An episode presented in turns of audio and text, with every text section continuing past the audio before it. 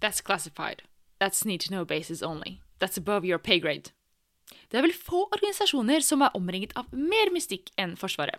Og hvis en da tenker Cyberforsvaret, så girer jo det allerede opp et par hakk. Så Derfor så ble jeg skikkelig glad når Stian Nordløf fra Cyberforsvaret ville snakke med oss. For Cyberforsvaret de overrasker på mer enn én måte. Ikke bare er de utrolig neppa og åpne for å dele, som du snart får høre, men de har også en imponerende ambisjon som jeg virkelig håper de klarer å oppnå. Men det får du høre mer om i episoden. For vi tar for oss Cyberforsvaret sin smidige transformasjon. Hvordan ser planleggingsprosessen ut? Hvordan har de gått fra leveranse til digitaliseringsfabrikk? Hvordan involverer de brukerne sine? Og ikke minst, hvordan ser fremtiden ut? Før vi drar i gang episoden, så vil jeg takke våre partnere Sparebank1 Utvikling, Capra og Gnist. Det er dere som gjør Smidigpodden mulig, sammen med Buy Me Coffee-fellesskapet vårt, så klart. Gnist er et av Norges ledende miljø innen teknologiledelse, og gnisterne de brenner for å bistå kundene sine med å bygge tilpasningsdyktige organisasjoner og høyt presterende team. Capra hjelper selskaper levere software og digitale produkter litt raskere og med høyere kvalitet, og med å bygge organisasjoner teknologer ønsker å jobbe i. I Capra settes menneskene først, og de vet at fornøyde og motiverte folk det skaper den aller beste arbeidsplassen. Og ikke minst takk til vår hovedpartner Sparebank1 Utvikling, som jobber hver eneste dag med å lage Norges beste digitale løsninger for deres 1,2 millioner kunder. Målet deres er å være en meningsfull arbeidsplass for sine ansatte, hvor det er stor grad av eierskap, autonomi og faglig utvikling. Men en siste liten sak før vi hopper inn, eller stuper om du vil, ned i episoden, så vil jeg minne om nyhetsbrevet vårt. Kristoffer Rieng har nylig blitt en del av Smidigpodden-teamet og har ansvar for nyhetsbrevet. Der vil du få masse faglig påfyll, sniktitt på episoder og key takeaways. Melde seg på det er jo selvfølgelig lett som en plett. Gå inn på smidepodden.no slash nyhetsbrev. Det tar mindre enn et minutt å melde seg på, det koster deg ikke en krone, og det aller, aller beste, du blir med ett den lureste på hele arbeidsplassen. Og med det, nå kjører vi! Velkommen, rebeller, utfordrere, dere som driver oss fremover og krever mer. Dere som vil gjøre en forskjell. Skape magiske arbeidsplasser med lykkelige mennesker som skaper produkter som kunden deres elsker. Men 75% av nordmenn føler lite eller ingen engasjement i jobben sin. 94% av ledere sier jo at smidighet og samarbeid er kritiske faktorer for at deres organisasjon skal lykkes. Men kun 6% av dem mener selv at de er smidige. Dette er podden som vil inspirere, gi deg konkrete tips og verktøy som vil hjelpe deg med å skape endringsdyktige organisasjoner med høyt engasjerte og motiverte ansatte som lager uslåelige produkter. Med smidig-coachen, kurs- og foredragsholderen Ida Kjær. Ved sin side har hun kurs- og foredragsholderen, smidig transformatøren og topplederen Tobias Falkberger. Sammen har de over 20 års erfaring med å jobbe i og lede smidige team og organisasjoner. Nå kjører vi! Hei og velkommen til eh, Smidigpodden, Stian. Tusen takk. Veldig hyggelig å ha deg på besøk. Jeg har jo gledet meg veldig til denne episoden, her, og vi har jo hatt en liten generalprøve. kan man si. Det har vi hatt. Men uh, vi trenger ikke å gå nærmere inn på det. Men uh, du er jo her for å snakke med oss om uh, den smidige reisen til Cyberforsvaret. Det er jeg. Kjempespennende. Men før vi hopper ned i det, kan ikke du si fortell, Hvem er Stian? Stian er en voksen mann på 58 år. Har familie, tre barn og to bonusbarn og til og med noen barnebarn. Så koselig. Så ja, det er veldig, veldig bra. altså. Og rent jobbmessig sett, eller utdanningsmessig sett, så er jeg midt imellom å være økonom og teknolog. Jeg har jobbet en del som både teknolog og, og økonom, mm. og, og, som leder. Mm. Og har også en litt militærutdannelse. Da. Jeg jobber jo i Forsvaret. Og selv om jeg er, jeg er sivil, sivilt utdannet, så, mm. så, har jeg også litt sånn militær type reserveoffiserutdanning. Da, og har jobbet som ja. reserveoffiser eh, egentlig hele veien opp til jeg ble for gammel. Hva betyr det å være reserveoffiser? Det var vel noe som eh, vi spesielt hadde før, da når vi hadde et mobiliseringsforsvar.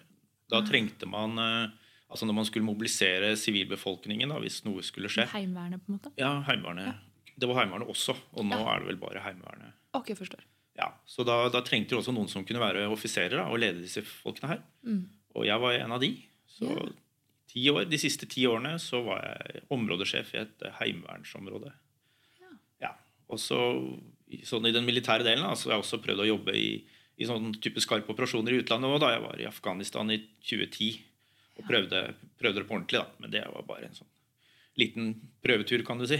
Ja, Så jeg er helt sivil og helt sivilt. sivilt, ansatt i Forsvaret. Helt sivilt ansatt i Forsvaret. Hvor mange, det her er kjempedigresjon, men vet du hvor, hvor mange er sivilt ansatt eh, Hva kaller man ikke sivil? Militært. Militært. hva er eh, prosentandelen? I Forsvaret er jeg litt usikker. Ja. I Cyberforsvaret så er det vel litt eh, mer militære enn sivile, men det er veldig nære 50-50. Så det er med andre ord ikke umulig å begynne å jobbe i cyberforsvaret selv om man ikke er militær. Det er veldig mulig, og, og spesielt innen den verden jeg jobber i, så er vi faktisk eh, i all hovedsak sivile. Spennende. Det er jo gøy for lytterne å vite òg, da. Ja, At det fins muligheter her. det fins mange muligheter her, altså. Og vi, vi trenger flinke gutter og jenter. Så bra. Men da har vi fått, har vi fått sagt det, og det er jo viktig. Um, men um, vi skal jo snakke om smidig. Eller før vi gjør det, kanskje du skal si litt om hva Cyberforsvaret gjør? Ja.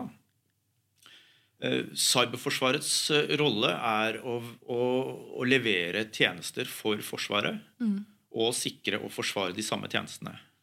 Så ja. mange tror at Cyberforsvaret er de som skal forsvare all, eh, all IKT og teknologi i hele Norge. Ja, for det trodde jeg. Ja, og det skjønner jeg veldig godt. Så, men det er det altså ikke. Nei. Vi skal forsvare Forsvarets del av det digitale rommet. Jeg forstår. Og også levere tjenestene til Forsvaret da, og forsvarssektoren. Ok, Så det er alt fra å sikre at folka får lønn, til å passe på at en annen stat ikke hacker Forsvarets IT-løsninger. I stort så er det helt riktig, ja. Ok. Så vi er, vi er både en stor tjenesteleverandør, og det er kanskje der eh, min del av cyberforsvaret ligger. da. Og så er vi også avdelinger som, som driver med det de kaller defensive cyberoperasjoner, da, som er egentlig sikring av vår egen del av det digitale rommet. Men ehm, eh, hva skjer hvis noen, ja, en annen stat eller en gruppe eller en hackergruppe, angriper eh, deler av norsk infrastruktur, f.eks. Uh, strømnett eller hva det skulle være? da? Hvem er det som har ansvar for det? Eh, Der har du det de kaller for sektoransvaret. Okay. Hvor Nasjonal sikkerhetsmyndighet, NSM, de har vel en slags sektorovergripende ansvar. Og så har du sånne såkalte serter. Eh, Jeg husker ikke hva det står for, men det er i hvert fall eh, sånne operasjonsavdelinger som har ansvar for å eh, sikre f.eks. finansmarkedet. Ikke sant? Ja. Eh, ja, Som har ulike områder, ja, ulike ja, fagansvarsområder, heter det. Ja, fagansvarsområder, ja. Så, så vi har jo Skjønner. noe som heter eh, Vi har NorCERT, som er på en måte Forsvarets Det har jeg hørt om. del av det. ja.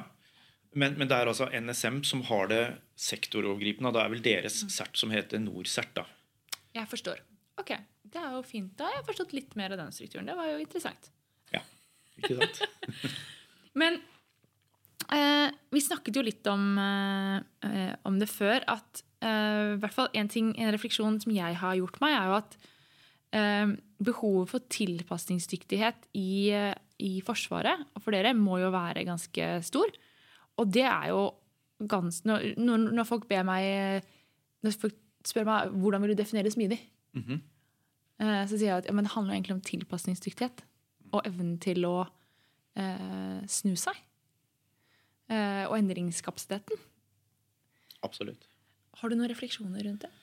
Ja, jeg har det. Ja. Eh, Forsvaret, og, og kanskje spesielt forvaltningen i Forsvaret, er vel ikke akkurat veldig kjent for å være smidig. da. Og, og hvis vi skal trekke det litt ned til det vi gjør, så begynte vel egentlig vår reise med at eh, min, min tidligere sjef, generalmajor Inge Kampenes, som var den forrige sjefen for Cyberforsvaret, han, eh, han, når han begynte for fem år siden, så så, så han at vi klarer ikke å levere de tjenestene som etterspørres tilstrekkelig raskt. Vi klarer ikke å, å digitalisere raskt nok. Eh, du har denne fjerde industrielle revisjon, da, som er et litt sånn buzzword som ramler rundt her, men, men det er jo noe i det. Vi, måtte, vi må gjøre noe for å faktisk eh, ha evne til å, å digitalisere Forsvaret. Og, og som en del av det så startet han en organisasjonsendring. Hvor, hvor det som egentlig kom ut av det, da, det var at uh, vi må bygge bl.a. En, en del av cyberforsvaret som, som har en evne til å digitalisere Forsvaret og sektoren i den farten som det faktisk skjer i, og som anvender skalerte smidigmetoder. Og, og den delen den, den fikk jeg lov til å være med både å utforme og for så vidt å, å lede. Da. Så jeg, jeg er jo leder for Cyberforsvarets digitaliseringsavdeling. Og, og vi startet uh, midt egentlig i den omorganiseringen som en pilot, for vi innså at eh, sånne, sånne omstillinger i Forsvaret de tar jo årevis. Det har vi ikke tid til. Nei.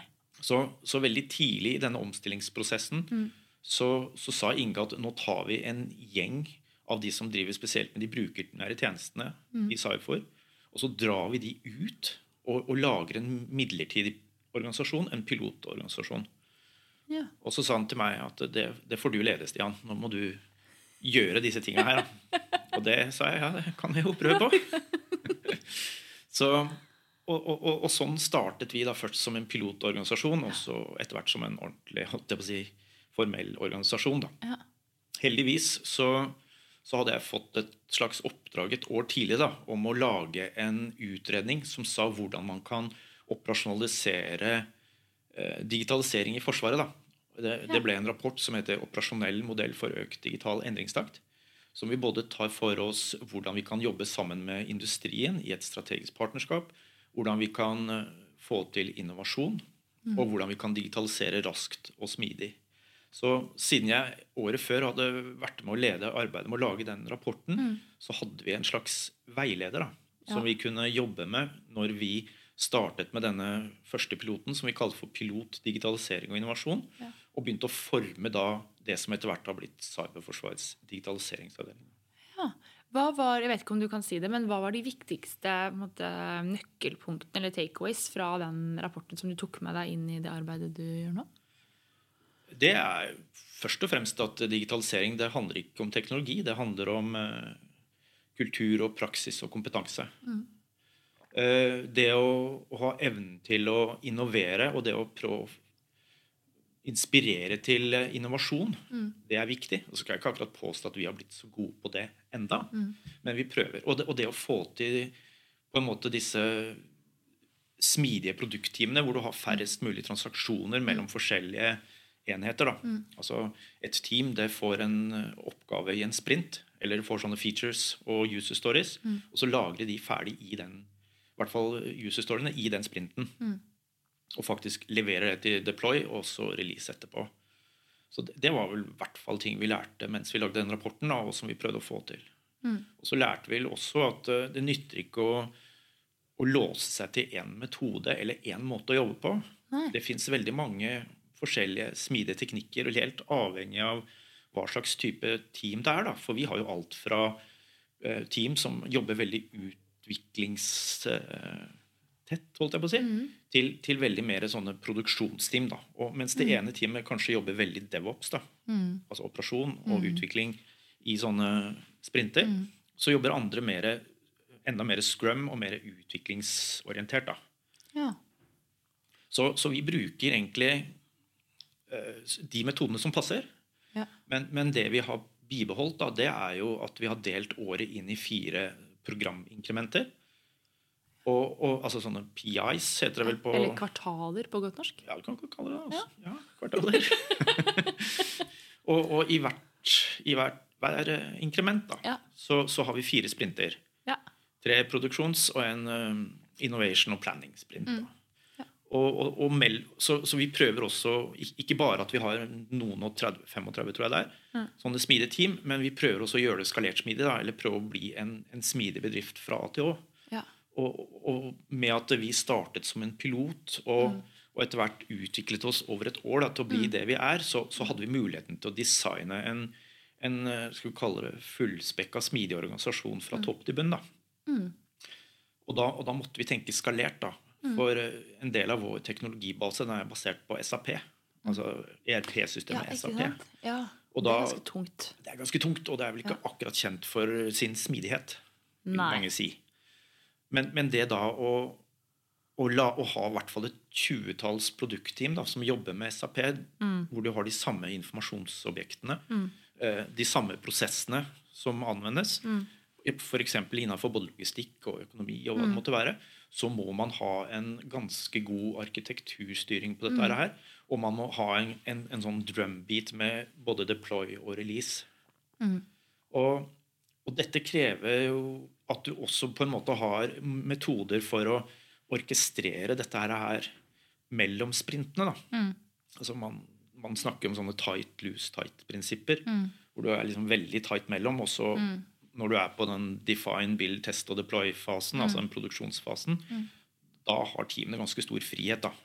Men under en Altså man må følge en del arkitekturprinsipper som er lagt til grunn. da.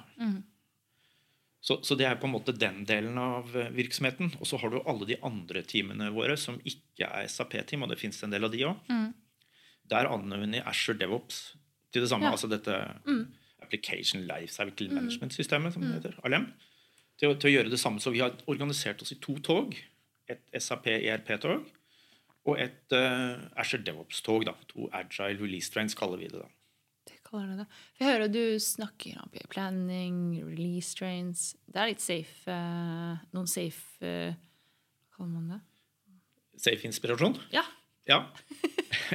ja. Og det der er jo fornøyelig, for, for vi sier jo at eh, vi er inspirert av Safe. Ja. Vi tar det som passer, ja. og så dropper vi alt det andre. Men så deilig. Ja, det er det. Og så er det jo mange som ser på oss litt sånn Bruker dere Safe?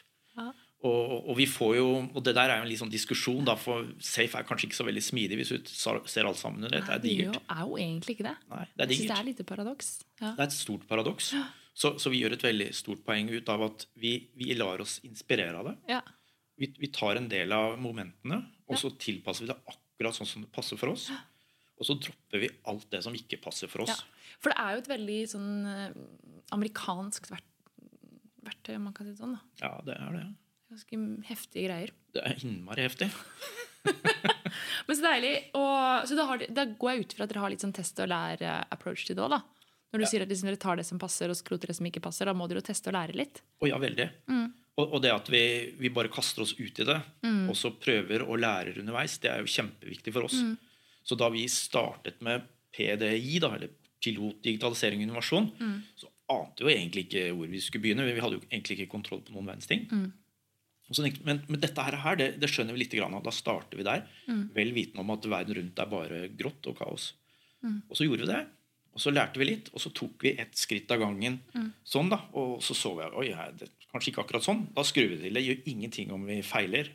Og feile fort er bra. ikke sant? Ja. Så, så det er også et veldig viktig prinsipp hos oss. at det er, liksom, Ingenting er fastlåst. Det er bare å kjøre på, og så skrur vi til underveis. Hva, hva var refleksjonene til resten av organisasjonen når dere, eh, når dere tester og lærer og eksperimenterer med dette? Fordi når jeg tenker på Forsvaret, så tenker jeg to ting, da. Jeg tenker én innmari byråkratisk. Eh, og så tenker jeg nummer to så tenker jeg, åh, Det er sikkert sånn som Navy Seal, som Tobias og jeg ser på om dagen. Som er sånn super sånn eh, Alle har en stemme med, ikke sant? og du er ett team, og du snakket om tightless, tight-ledelse, autonomi. ikke sant? Hele greia der, Så jeg tenker det er liksom kontraster, da. Ja. Så hva, er dine, hva, hva var opplevelsen til resten av organisasjonen? Hva, hva, hva, liksom, hva, ja, hva tenkte de, og hva, hva slags reaksjoner fikk dere? Ja, det, For det første så er det jo et utrolig paradoks i Forsvaret. Da, for er det noe vi er innmari gode på I Forsvaret i stort så er det sånn, det vi kaller for stridsleddet. da. Når noe skjer, Ja. en eller annen operasjon dukker opp og vi må snu oss, så snur de oss seg innmari fort. Alt er veldig, veldig smidig da, Ja, på den måten. Ja. Så der er vi jo en del av miljøene, i hvert fall ganske sånn sikkert nært. Jeg har ikke sett den serien som dere ser på, men det høres litt sånn ut, da. Den er, ja, jeg går på Viaplay. Ja, ja, ja, ok, ja. Så den operative sida, den den er nok veldig der. Ja. Men eh, resten er jo litt i den andre enden av skalaen. da. Ja. Den er ganske, ganske byråkratisk. Ja. Det er veldig sånne sterke siloer. Det er veldig mange konkurrerende fagmiljøer og organisasjoner som på en måte ligger oppå hverandre uten at det egentlig er noen logikk. Og jeg kan jo ta et eksempel. jo, Du har jo forsvarsmateriell, FMA IKT. og, og du har Cyberforsvaret, og deres oppgaver de, de ligger ganske tett opp mot hverandre. Og, og Forsvaret har jo hatt en tradisjon, veldig tradisjon til at roller, myndighet og ansvar er fryktelig viktig. Ja. RMA. Men når du har veldig mange avdelinger som ligger tett oppå hverandre, og du skal prøve å beskrive hvordan du skal skape verdi, men samtidig ivareta ditt eget revir, så blir det ganske tungt.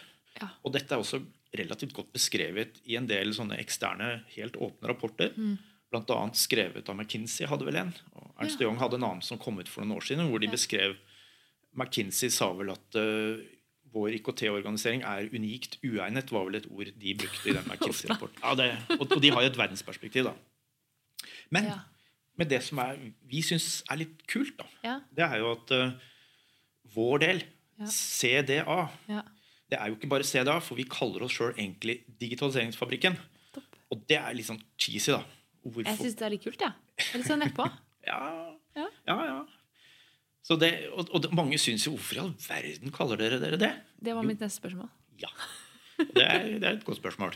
Og svaret er at hos oss så er det ikke bare CDA. Vi Mm. har folk fra FMA IKT, altså søsterorganisasjonen vår. Mm. FMA var Forsvarsmateriell. forsvarsmateriell. Ja. Forsvarsmateriell Mm. IKT. Vi har folk fra eksterne partnere, Mm. og, og vi har folk fra, fra brukersiden som går inn og er produkteiere. Og når vi skal beskrive alle de, Mm. så er det ikke én organisasjon, det er mange organisasjoner. Og, og når vi da beskriver den helheten, så kaller vi det derfor da Digitaliseringsfabrikken. Mm. Og, og det som vi også er litt stolte av sånn rent kulturelt, da, om vi skal si det sånn, Ja. det var når vi startet opp, så, så sa, jeg, sa vi egentlig, og jeg sa at hvis vi skal få til dette her, Mm. så må vi glemme roller, myndighet og ansvar.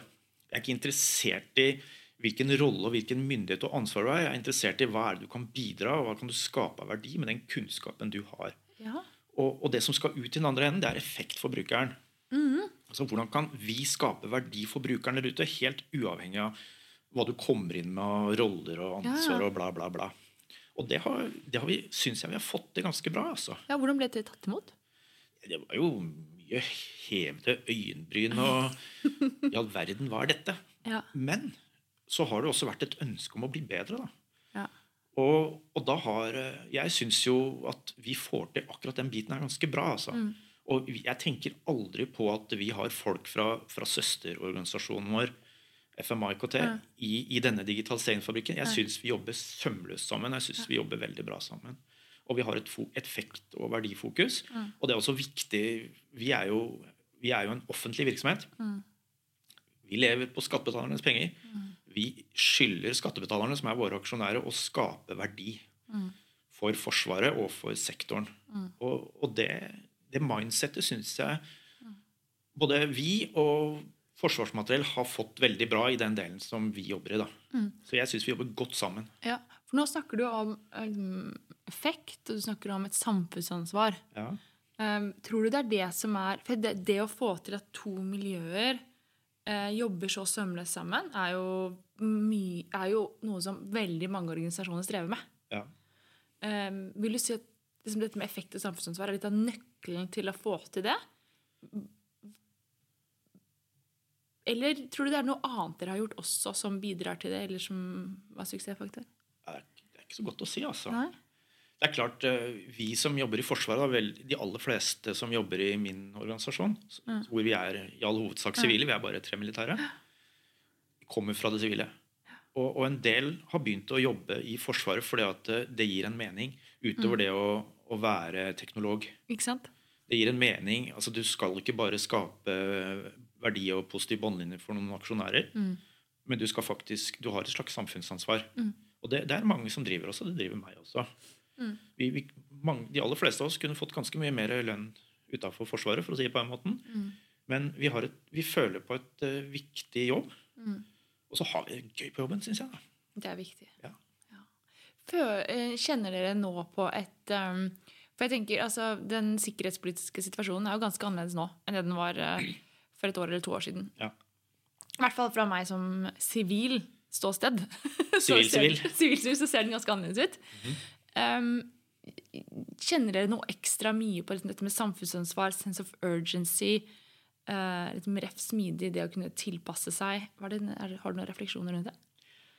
Ja, vi føler sterkt på det, og spesielt sånn som situasjonen er. Det, det er helt klart. Men samtidig, da, i, i det digitale rommet, som vi holder på, holdt jeg på å si, så, så har jo altså Den digitale trusselen har jo egentlig vært der hele tiden. Og, og det er vel ikke så stor forskjell nå og før på, på de truslene og de sakene vi har hatt i, i den delen der. da. Men det er klart at vi, vi kjenner jo på det hos oss, at uh, vi er i den situasjonen vi er i. Og for et halvt års tid siden sånt så, så ble det jo også bestemt at uh, Forsvaret skulle gå opp et hakk på Øke beredskapsnivået sitt litt, litt grann. Mm. det påvirker oss alle litt. Grann. Det påvirker prioriteringene. Og det påvirker det vi skal gjøre. Men, men samtidig så ser vi den, den porteføljen som vi har ansvar for. Den handler om logistikk, økonomi og, og HR og, og veldig mange sånne litt sånn sivilske funksjoner. Den, den spisse enden den virker ikke uten at vi virker. Nei. Har du ikke logistikk, så har du egentlig ikke Nettopp. noe, noe operativt å skrangle med i det hele tatt. Altså. Ja, så, det så det er jo viktig det vi gjør også, og, og vi kjenner på det. Ja.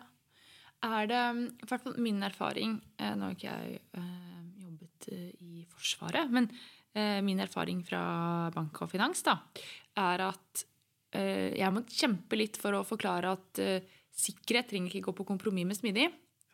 Og at fort når det brenner litt, så skrur man litt til. Um, er det noe liksom, hvordan For jeg ser for meg at sikkerhet må jo være liksom, fremst i pannebrasken i Ja. Forsvaret. Ja.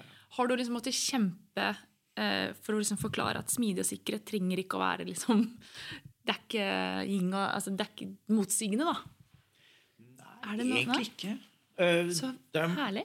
ja, det, altså, det er jo mange som, eh, som tror at smidig er hjemme alene-fest. Det er veldig mange som tror det. Ja.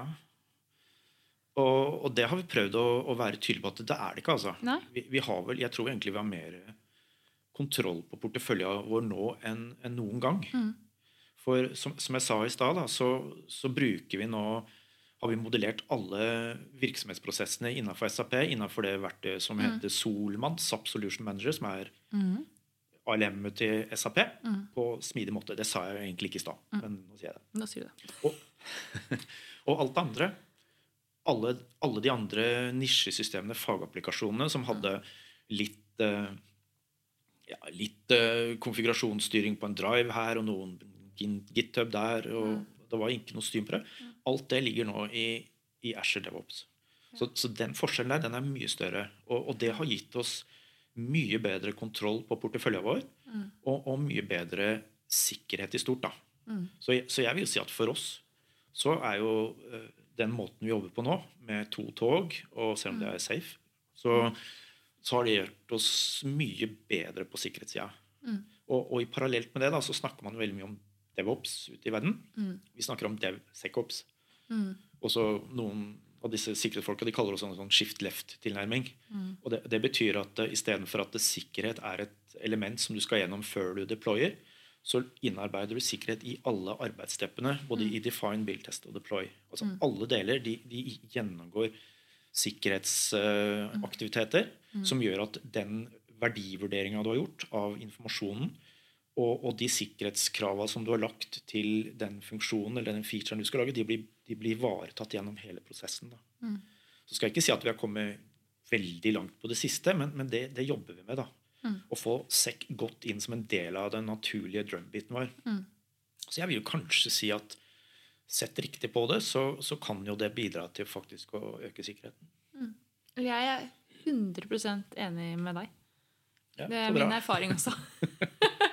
så er derfor jeg synes det, er, ja, det er utrolig fint at dere har den, eh, har den erfaringen. Du nevnte eh, tight, loose, tight i stad. Ja.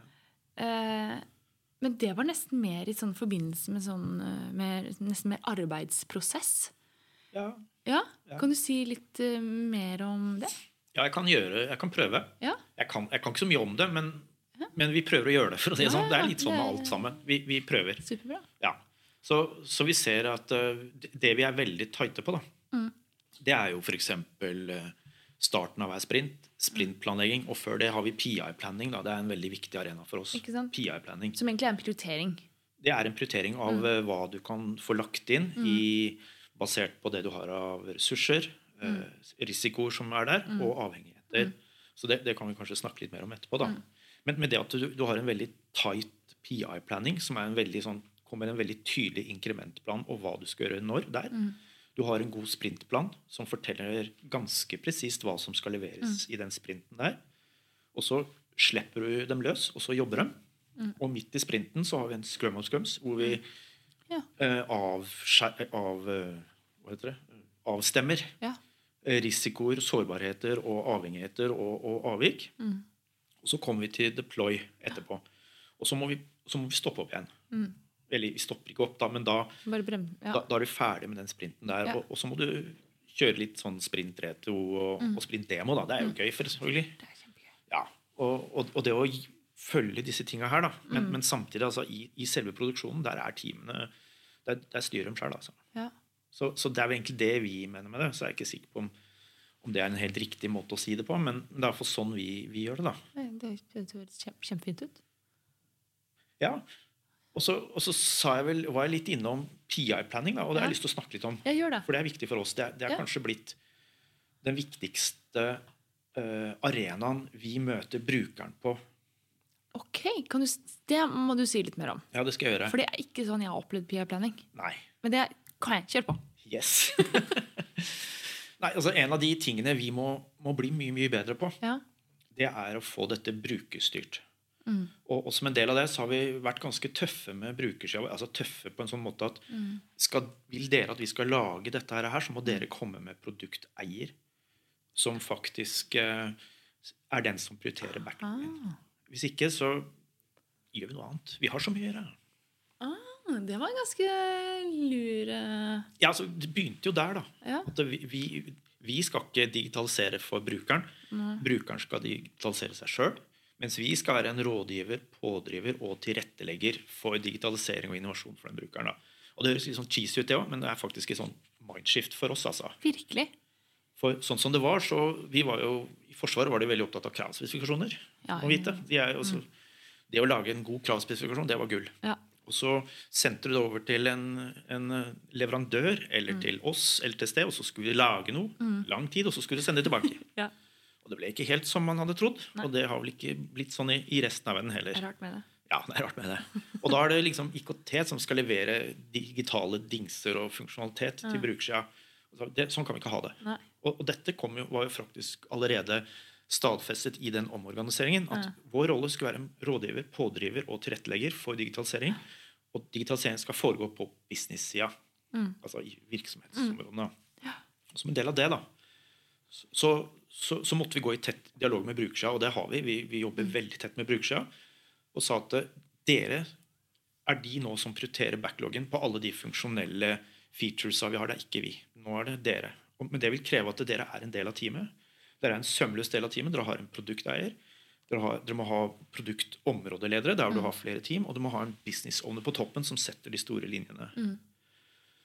Så startet vi, det var halvannet år siden vi begynte ordentlig med det, så sa vi at nå må vi faktisk eh, få, få gjort dette her, og så sa vi nå skal vi kjøre PI-planning. Når jeg sa det første gang til folka mine, så fikk jeg jo store torskeøyne imot meg. Så jeg, Hva i all verden er det? Så sa jeg det veit jeg ikke, men det skal vi gjøre. Og, det, og så begynte vi, da, for å prøve å finne ut hva, hva har vi sagt at vi skal gjøre nå. Ja. Og, og, og den første PI-planningen, da samlet vi de som var kommet lengst hos oss, da, og det er jo HR-miljøet. Vi har annet eh, For de hadde startet med noen smidige team som vi for så vidt var med og støttet på, som, som vi kalte for Min side-aktiviteten. Ja. Og så må jeg snikskryte litt da, og si at eh, den Min side-satsinga vår den eh, kom i finalen på digitaliseringsprisen for 2022. Oi, kult! Ja, det var litt kult, det. Ja, altså. det er kjempekult. Så det, det der var en vellykket greie, da, Ja. som handler om hvordan eh, vernepliktsreisen, da, som var den første brukerreisen vi lagde, hvordan de 17-18-19-åringene kan, kan anvende devicen sin da, til å gjøre sesjon og, og være, kommunisere den veien. da. Kult. Så vi, vi vant ikke, men vi kom på pallen. Ja, ja. Så, så vi startet PR-planningen i det miljøet der. ja. Vi samlet alle sammen. Da var vel 60 stykker på den første. Sånt, og alle brukerne, eller alle produktteamene. Eh, alle produkteierne.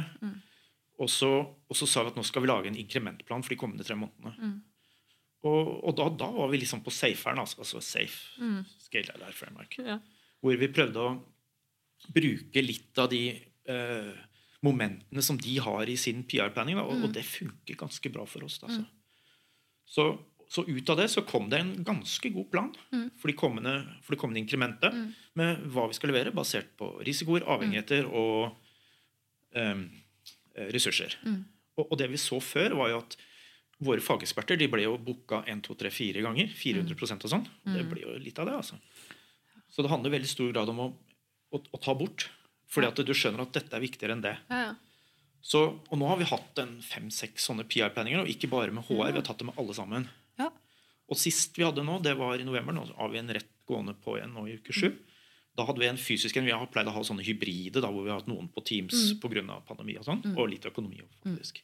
Men nå i høst så hadde vi fysisk PR-planning på Sessvollmoen, som er oppe i Romerikstraktene. Og Da var vi vel en ca. 140 stykker som var samla. Og det- det har vi blitt ganske gode på. Og der møtes Og det er hardt arbeid i to dager. Du må ha masse møterom for hvert team. hvert produktområde. De må sitte for seg og drive planlegging. Og det som kom, kom ut av det, det er en plan som alle har stemt på, og alle kan stå for. Ja. Og, og, og det er en kjempeviktig arena, både formell og uformell. Og, hvor du får en veldig, etter hvert en bedre og bedre plan for det inkrementet der. Da. Så, så den, den delen den heier vi på. altså. Det syns vi er veldig veldig bra. Spennende. Nå, nå sier du, du, du, har du gjort du sa, fire-fem ganger? noe sånt? Jeg tror det er en sjette vi skal sjette, gå inn nå. Ja. Hva vil du si er de viktigste måte, læringsmomentene som du har tatt med deg fra første gangen til nå som du skal gjøre det sjette gangen? Ja, det er mange. men, men det å, det å f.eks. spesifisere Altså bli god på å spesifisere features, da, for vi, vi legger oss på feature-nivå. Det er liksom det nivået vi ligger på. Og hvilke, hva, hvor stor er en feature? Kan fort tro at altså, man lager de alltid for svære. Så Ja. en, en feature skal vel aldri gå mer enn en inkrement. ikke sant? Nei. Og de, de kan fort gå lenger. Så Ja. det å bli bedre på å spesifisere det, bedre på å ressurssette det og, og så har vi begynt å bruke story points. Altså, eller Det har vi gjort en stund, faktisk. Ja. For, å, for å estimere sånne manne-kvinnedager på produksjonsdager. da. For å, så, så vi blir jo litt, litt bedre på alt sammen hver gang. da. Men, men det er ganske stor logistikkøvelse å gjøre det. Det er mye folk. Det er mye sånn ting som skal virke. Det er veldig mye sånn detaljer som skal funke for at vi skal få det til. Men det, det, det går egentlig ganske bra, det. Ja. Ta, ta et eksempel. Vi hadde på dag én og dag to, for det er to dager, så har vi scrum og scrums midt på dagen. Ja. Og, og, og da, da må du gå inn og dekonflikte ressursbehov, eh, avhengigheter og avstemme alt mulig mellom alle teamene. Ja. Og, og siste dagen, på den, den siste scrum of scrums på den siste dagen nå sist, den tok seks minutter. Og det var fordi at teamet allerede hadde synkronisert seg. Ja. Når det produktteamet skjønte at de, de trengte noen her, så snakka de med de. Og så ordna de det underveis. Og da, da hvis du skal, Man snakker jo om doing og being agile. da. Ja. Skal ikke si at vi er blitt being ennå, men litt sånn litt på vei, da. ja. Så deilig. Ja, Så fantastisk. Det var en utrolig god følelse å kjenne at ok, nå begynner, kjenner jeg at det begynner å, å liksom flyte litt av seg selv, og, man oppnå litt av de effektene som man har sett for seg kanskje første gangen. da. ja, det begynner å flyte litt av seg sjøl. Ja.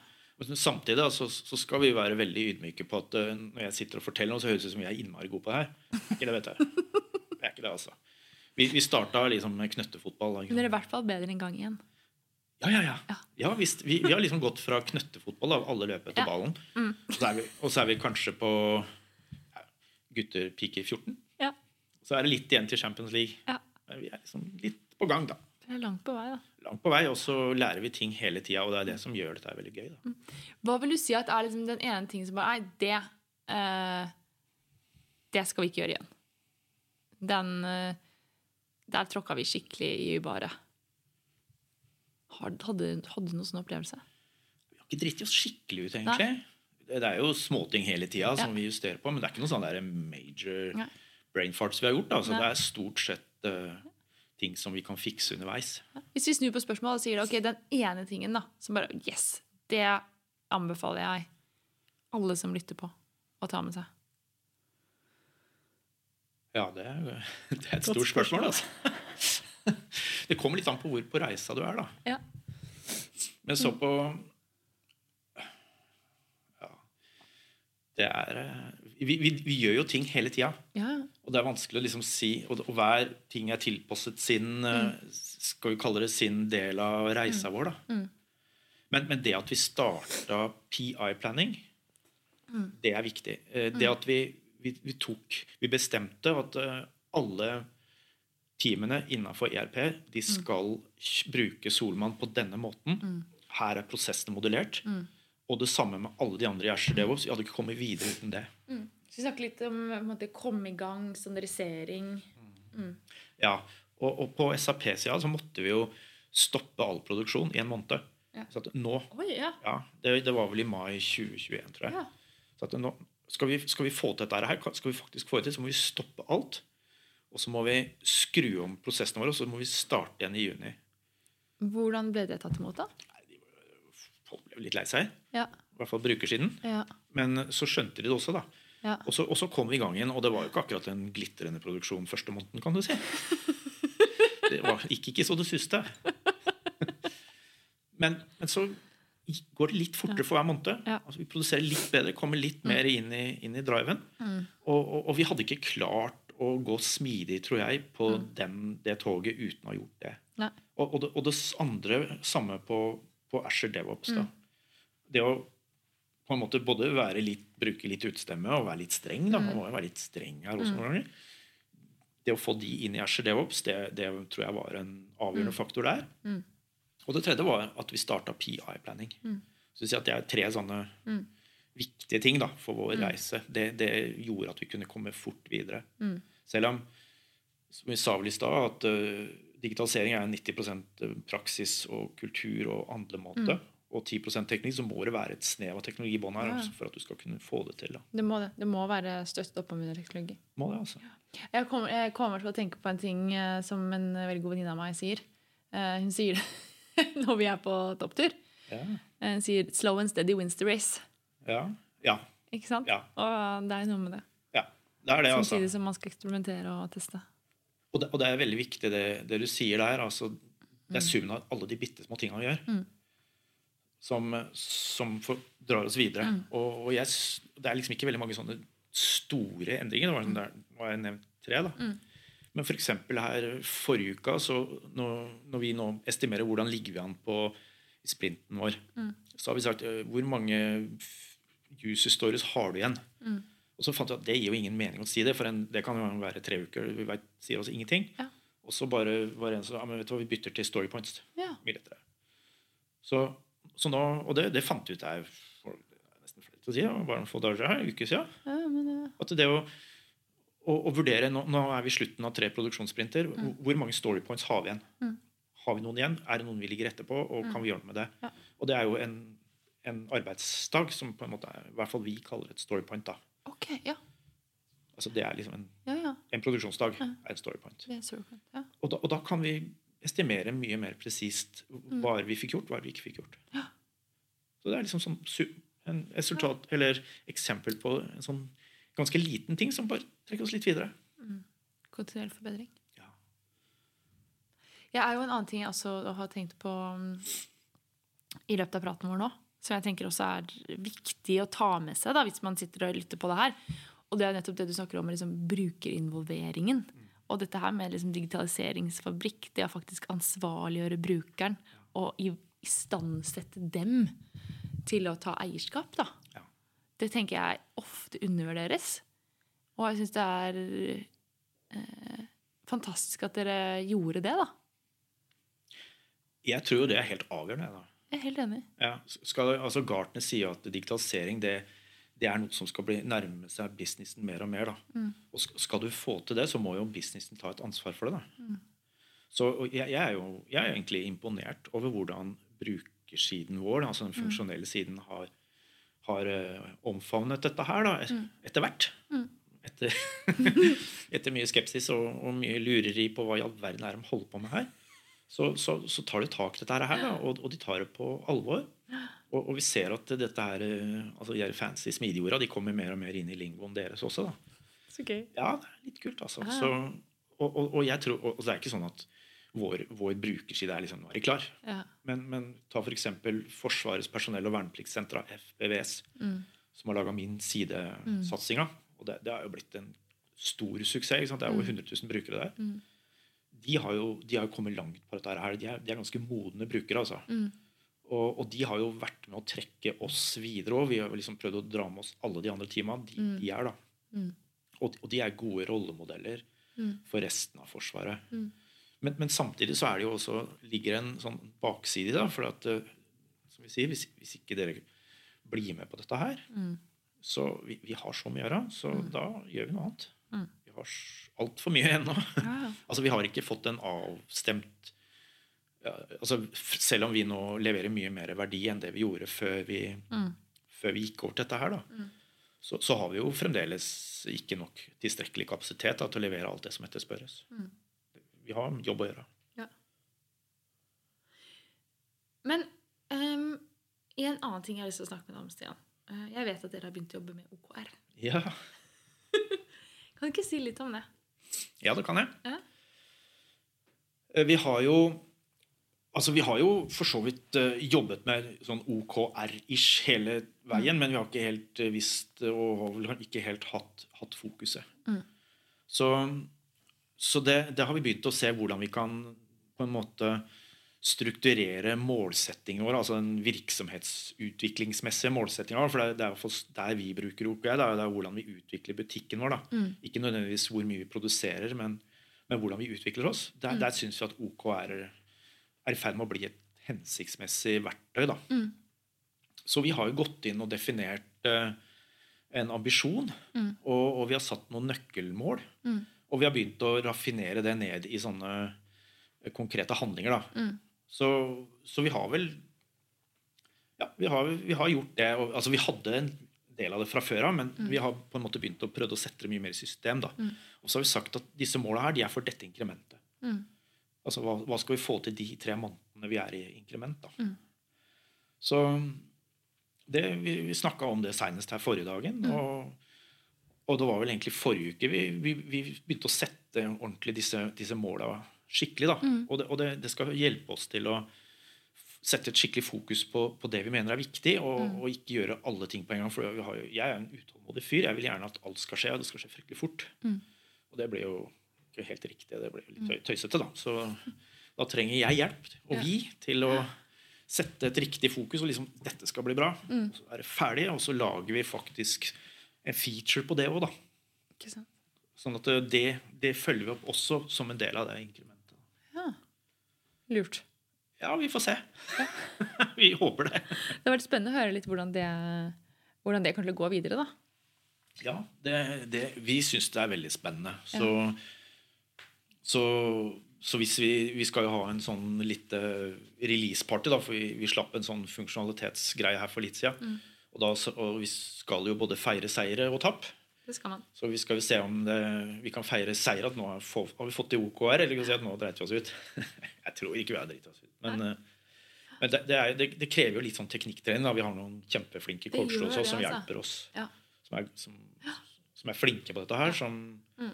som har gitt oss mange gode råd og tips, og, og, og guidet oss inn i det. da. Ja, men OKR er jo um, altså Det er jo bare enda et eh, verktøy Ja. som man kan bruke. Ja. Men eh, til syvende og sist så kommer det jo ned til hvordan man tenker. Og mindset og kultur i organisasjonen. ja. Det er egentlig akkurat det det gjør. da. Mm. Så, så det å på en måte komme inn i en sånn, en sånn smidig rytme på, Mm. på, på ikke bare produksjonen i teamene, men, men i hele virksomheten, da, Mm. det, det er vi veldig opptatt av. Ja. Og så tror jeg egentlig vi har vært jeg skal ikke, jeg vet ikke om jeg skal si heldige, men, men, men siden vi hadde muligheten til å designe hele den organisasjonen jeg leder, da, Ja. som en smidig virksomhet fra, fra dag én. Mm. Uten at vi egentlig visste hva vi skulle, men vi visste at du må gjøre forferdelig enkelt den delen av det. Mm. Men, men, det men, men det er ikke liksom to team. Det er Nei. hele sjappa fra topp til bunn. Mm. Det hjelper oss litt nå, da. Ja. For vi har jo hatt uh, daglige skrømmer og sånn i ledergruppa, i kommandogruppa. i- har vi hatt det flere år nå. Så, så vi, vi, og vi bruker jo også user stories og features og Mm. alt dette her til å, til å lede butikken vår. da. Kult. Ja, altså vi, vi prøver å bli en Skal vi kalle det en digitalisert digital bedrift? Heter det? ja. Det kan hete det nå. Ja. Et annet sånt. Noe sånt, ja. Skalert smidig, da. ja. Smidig fra A til Å, som du sa så fint eh, helt i starten. Ja, kanskje. vi prøver i hvert fall. Ja. Men så gøy at det er eh, noe som treffer alle, og ikke bare utviklerteamene, liksom. Oh, ja, ja, ja. Mm. Det, og, og vi ser jo også at etter at vi omorganiserte Cyberforsvaret, da, Mm. så de ønsker jo også i alle de andre delene av, eh, av Cyberforsvaret å bli smidig, da. Nå burde de gjøre det samme. Ja, og vi har jo gjort det, men vi, jeg fikk jo på en måte et veldig tydelig oppdrag av min sjef. da, Mm. om at eh, nå skal du lage digitaliseringsfabrikk. Og jeg liker jo å gjøre sånne ting, så da, da gjorde vi det. Og, og så har vi sett et, etter at vi evaluerte uh, organisasjonsendringen, at uh, den delen som vi gjorde, det, det gikk jo ganske bra. Det, Ja. det fikk en Mm. grei score, for å si det sånn. Så, så det er et ønske å, å, å adoptere veldig mange av de arbeidsprinsippene i andre deler òg, og det, det tror jeg er fullt mulig. Men du, nå går vi dessverre litt tom for tid. Oi. Ja, det er veldig trist. Men jeg tenker som så Nå har jo dere gått fra å være hva jeg sier, en leveransefabrikk til en digitaliseringsfabrikk. Ja, det høres jo bra ut. da. Ikke sant? Og, men hva, hva skal dere nå? Hva er det neste steg? Å, vi har så mye vi kan gjøre. Ja. Vi er jo, som jeg sa, da, vi, er jo, vi, vi vil jo til Champions League. Mm. Og vi er på guttelaget, pikelaget. Mm. Så det er jo ikke grenser for hva vi vil. Mm. Vi har jo et uh, utrolig cheesy mål, da. Mm. Og vi har jo sagt at vi skal bli den råeste digitaliseringsfabrikken i offentlig sektor. Og det, Kult. Ja, jeg burde kanskje ikke sagt det her, men for, for det vi, vi, er vi har jo grenseløst stor respekt for de andre i offentlig sektor som har kommet langt på dette her. Da. Mm. Altså Nav, politiet og skatt og alle disse her. De er jo, de er jo liksom lysår foran oss. Mm. Vi erkjenner det, men vi kommer etter så fort vi kan. Mm. Og, og, og det som jeg syns er gøy, det er jo at det er jo et hav av ting man kan ta tak i hele tiden Mm. For å nærme seg ja, det, Hvis vi sier det ultimate målet er å komme i Champions League, da, Mm. så, så har vi så mye vi skal gjøre. Mm. var- jeg syns det var en ganske rå ambisjon. Ja. Man må jo sikte til stjernene, er det ikke det man sier? Jo, man sier det. Og når jeg sa det for et par år siden, og- det hadde en, som en diskusjon i en OKR-greie nå, forresten Ja. Vi skulle liksom finne en sånn ambisjon da, som skal bli den foretrukne nei, nei, nei, nei, nei. Vi sa for to år siden at vi skal bli den råeste i offentlig sektor. Kan vi ikke bare ha det, da? Ja. Jo, det har vi. Det syns jeg er ganske Ja. Jeg, jeg liker sånne mål, jeg, da. Ja. Som Det er man mange kan som samles ser- om. Og, ja. Det er mange som ser med noe Hva er dette for noe tøys? Men eh, vi sier nå det. Man må legge, janteloven litt til side, og så må man uh, gå for gull, som det sier. Som man gull, sier ja. Men du, nå tror jeg vi dessverre er ved veis ende. Er det noe du brenner inne med på hjertet før vi tar de fem siste spørsmålene? Jeg har fått sagt eh, ganske mye, da. Ja. Det, det er ikke noen sånne temaer som jeg føler at vi ikke har vært innom. Så føler vi har snakket om veldig mye bra. ja, nei, altså, Det som driver oss, da, det er jo å ha det gøy på jobben. Ja. Og vi har det gøy på jobben når vi føler at vi leverer verdi Ja. for eh, Forsvaret, sektoren og våre skattebetalere. Og det hørtes også innmari cheesy ut, men, det er jo egentlig det vi mener. Det er kjempefint. Men det er jo, jeg syns det er kjempefint som skattebetaler at man eh, faktisk har det eh, med seg. da. At man ønsker å liksom Altså man har fått et ansvar, og det skal man forvalte på så godt man bare kan. Ja. Eh, og det, jeg syns jo det virkelig varmer mitt hjerte. Ikke bare som smidig håper lidenskap for smidig, men også som norsk borger. At man faktisk har lyst til å gjøre eh, offentlig har lyst til å gjøre ting bedre. For mer effektivt, bedre for brukerne. At man faktisk har det eh, ønsket. da. For det er ikke alltid man sitter med den oppfattelsen som sivil. Nei, Kanskje. og det er nok eh, dessverre mange som ikke tenker sånn som oss. Mm. Og det er utrolig viktig for oss å poengtere det. Altså, vi, vi må tenke som en sivil bedrift. Vi skal Mm. skape verdi. Og det syns jeg er en liksom fin, eh, fint å få ut. da. Løfte litt på panseret og Ja. ja, se litt under. Men du, Ja. Stian, hva ville du fortalt 20 år gamle deg selv? Da ville jeg nok sagt at uh, jeg kan være litt mindre cocky. De- 20-åringer er jo kanskje det, da. Og jeg Mm. var vel ikke noe unntak der. Jeg var veldig, veldig opptatt av å mene noe sjøl, Mm. uten å nødvendigvis være så veldig opptatt av hva andre folk sier, og, og lytte. Mm. Så, så jeg ville jo sagt at det, det er et råd jeg ville gitt til meg sjøl som 20-åring. da. Mm. Lytte, stille oppfølgende spørsmål, høre ordentlig på hva folk sier, Mm. og, og prøve å lære av det. Mm. Istedenfor å være mest opptatt av å si min egen mening. Ja. Lytte for å forstå. Ja, Det ville jeg sagt. Det høres ganske fint ut. Hva mener du kjennetegner en god leder, da? Det er jo først og fremst, tror jeg, da, eller syns jeg, hvis jeg skal ta utgangspunkt i meg sjøl, hva Mm. jeg prøver i min ledergjerning, Mm. Det er å, å, å tilføre så mye positiv energi jeg kan til folka mine og produktteamene mine. Mm. Altså Det er jo produktteamene som, som er i, i frontlinje her, for å si det på den måten. Det er de som skal produsere verdi. Mm. Og jeg skal gjøre det jeg kan for å, for å tilføre de den positive energien de trenger for å få best mulig rammebetingelser for å produsere det de skal produsere. Da. Mm. Og, så er det også viktig for meg å, å prøve å være en tydelig leder. Altså Mm. Vi må ta retningsvalg. Vi må, vi må sette retning, og vi må, vi må være tydelige på hvor vi vil, og hvordan Mm. vi skal komme dit. Og så kan det godt gjøres gjennom samtaler og diskusjoner og, og, og sensemaking, da Mm. og den type ting. Men, men det er jeg som må sette den retningen og forklare hvor vi skal. Mm. Så det, det er det jeg prøver å få til i min, i min ledergjerning. da. Mm. Og så er det å erkjenne at jeg jobber Jeg er leder for en kunnskapsorganisasjon, Mm. og alle som jobber i min organisasjon, de kan mer enn meg om det de jobber med. Mm. Og, og det å være ydmyk for det, og, og lytte til det de har Det er ikke jeg som sitter med den beste løsninga, det er det de som gjør. Mm. Og, og da prøve å trekke sammen alle de gode løsningene de kommer, og, være den som, som prøver å drive det frem. Da. Mm. For det er jo en grunn til at man har ansatt folka sine. Ja, det er det, altså. Og, og hvis ikke jeg ansetter folk som kan mer enn meg Mm. om de tinga de skal jobbe med, da, da, da mener jeg man ansetter feil folk. Det er jeg egentlig helt enig. i. Ja, så bra. Men nå har vi snakket mye om det, men om du vil gi tre tips for å bli mer smidig, komme i gang? Ja, det Skal man komme i gang, Mm. så trenger man i hvert fall eh, Litt, litt avhengig av hvor man er i organisasjonen og i verden, Mm. så, så trenger man eh, led, sin leders eh, ryggdekning, eller Mm. ryggdekning fra lederen sin. Da. Mm. For, for hvis man skal gå faktisk ordentlig smidig, og i hvert fall gjøre det i stor skala, så, så er det en ganske stor endring, altså. Mm. Det er, vi sa vel eh, 90 praksis og Mm. kultur i stad, og 10% teknologi. Mm. Dette handler om tenkemåte og handlemåte.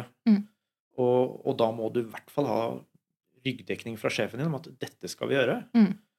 Og så må man jo prøve å, å, å, skape kunnskap, da, bygge kunnskap om Mm. dette her, og, og kanskje etablere et lite team Mm. som, som er med og bygger denne kunnskapen og forstår det på omtrent samme måten. Mm.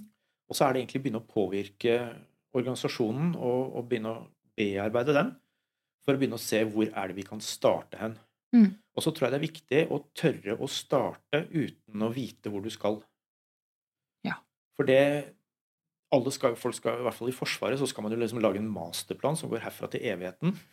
Og så skal kanskje noen andre faktisk implementere den. Og det, det funker sjelden bra. Det funker sjelden bra. Så, så det å bare tørre å hoppe i det, si at jeg har kontroll på denne delen av det, Mm. det som er rundt, det veit jeg egentlig ikke så mye om, men jeg begynner her, Mm. vel vitende om at alt rundt meg er uklart. Mm.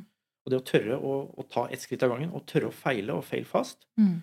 Det må vi bare gjøre. Og, og hvis man Mm. tenker sånn at hvis dette ble feil, så bare snur vi på det. Det gjør Mm. ingenting. Mm. Det, er ikke noe risiko. Mm. Og hvis man klarer å få det mindsettet der, så, så Mm. tror jeg det er litt viktig for å starte på en sånn vei mot smidig vei, da. Igjen, veldig bra. Helt enig. Um, har du noen bøker, lydbøker eller podkaster du vil anbefale? Ja, jeg lytter jo litt til dere, da. Mm, Og, ja, og syns jo det, det er mye interessant der. Og Mm. Spesielt når jeg sitter i bilen, og sånn, så hører jeg på podkast. Jeg kan godt høre på Smidigpodden. Kan godt høre på, på andre forskjellige Mm. fagområder og sånn oppdatert type podkaster og sånn også. Mm. Og så har jo Gnist en podkast som har et Mm. litt annet format enn det dere har, Mm. som heter Kort og godt. Mm. Og der har for så vidt jeg med en gang også, i, i 4. juli i fjor. Mm. Og, og det er også en podkast som er verdt å lytte til, som er, som er litt, litt annen type format, men Mm. egentlig veldig lærerik og, og bra, da. Helt enig. Når det gjelder bøker, så, så har jeg lest den derre Phoenix Project, som jeg syns er Mhm. spennende. Veldig fint. Og, og, og de fleste kjenner seg jo igjen i den, da, i hvert fall de som jobber med IKT. Og det, det er Mm. nesten litt ubehagelig og Ja, den er nesten det. gjenkjennbart. Og alle organisasjoner har vel en, En Brent, tenker jeg. Det De- tror jeg jo. De fins overalt. Ja. Og, så, så det er jo fornøyelig og lærerik lesing, Mm. syns jeg, da. Er det sånn at du humrer litt når du leser den? Ja, ja, ja. Ja. Absolutt. Jeg humrer, og så føler jeg å, dette var nesten litt ubehagelig. Dette var litt ubehagelig. Ikke sant? Ja. Så, og så har jeg jo vært innom den boka som heter Team Topologies, Mm. som, som sier litt om hvordan man bygger team, og hvordan teamenes livssyklus er, og, og så videre. Mm. Og der, der tror jeg også man kan lære mye. Ja. Så det er kanskje de, de Ja. fagkildene da man kan tenke seg. Ikke sant? Hva skal man gjøre hvis man ønsker å komme i kontakt med deg? Det enkleste tror jeg rett og slett å gå på LinkedIn-profilen min. Ja. Der er jeg si, der er jeg mest tilgjengelig. Ja. Og om å sende meg en melding, eksempel, eller eh, noe sånt noe der, da Det ser jeg. Ja, men Strålende. Da skal vi linke opp til den. Ja. Det helt gull. Med det så vil jeg bare si tusen, tusen takk for at du kom på Smidigpodden. Det har vært en fornøyelse. Jeg har lært så masse. Det er helt supert. Tusen takk for at jeg fikk lov. Skulle bare mangle. Og så tenker jeg vi bare sier ha det bra til lytterne våre. Ha det bra. Ha det bra. Jeg vil bare minne deg om Smidigpodden-fellesskapet. Kanskje har du lyst på eksklusiv tilgang til foredrag, kurs og masse, masse mer. Eller kanskje du bare liker denne episoden spesielt godt. Eller kanskje du bare syns Smidigpodden er som lommen i egget eller rosin i pølsa om du vil, og vil vise at du setter pris på oss. Da må du gå inn på smidigpodden.no skråstrek en kaffe for å bli en del av Smidigpodden-fellesskapet. Håper å se deg der.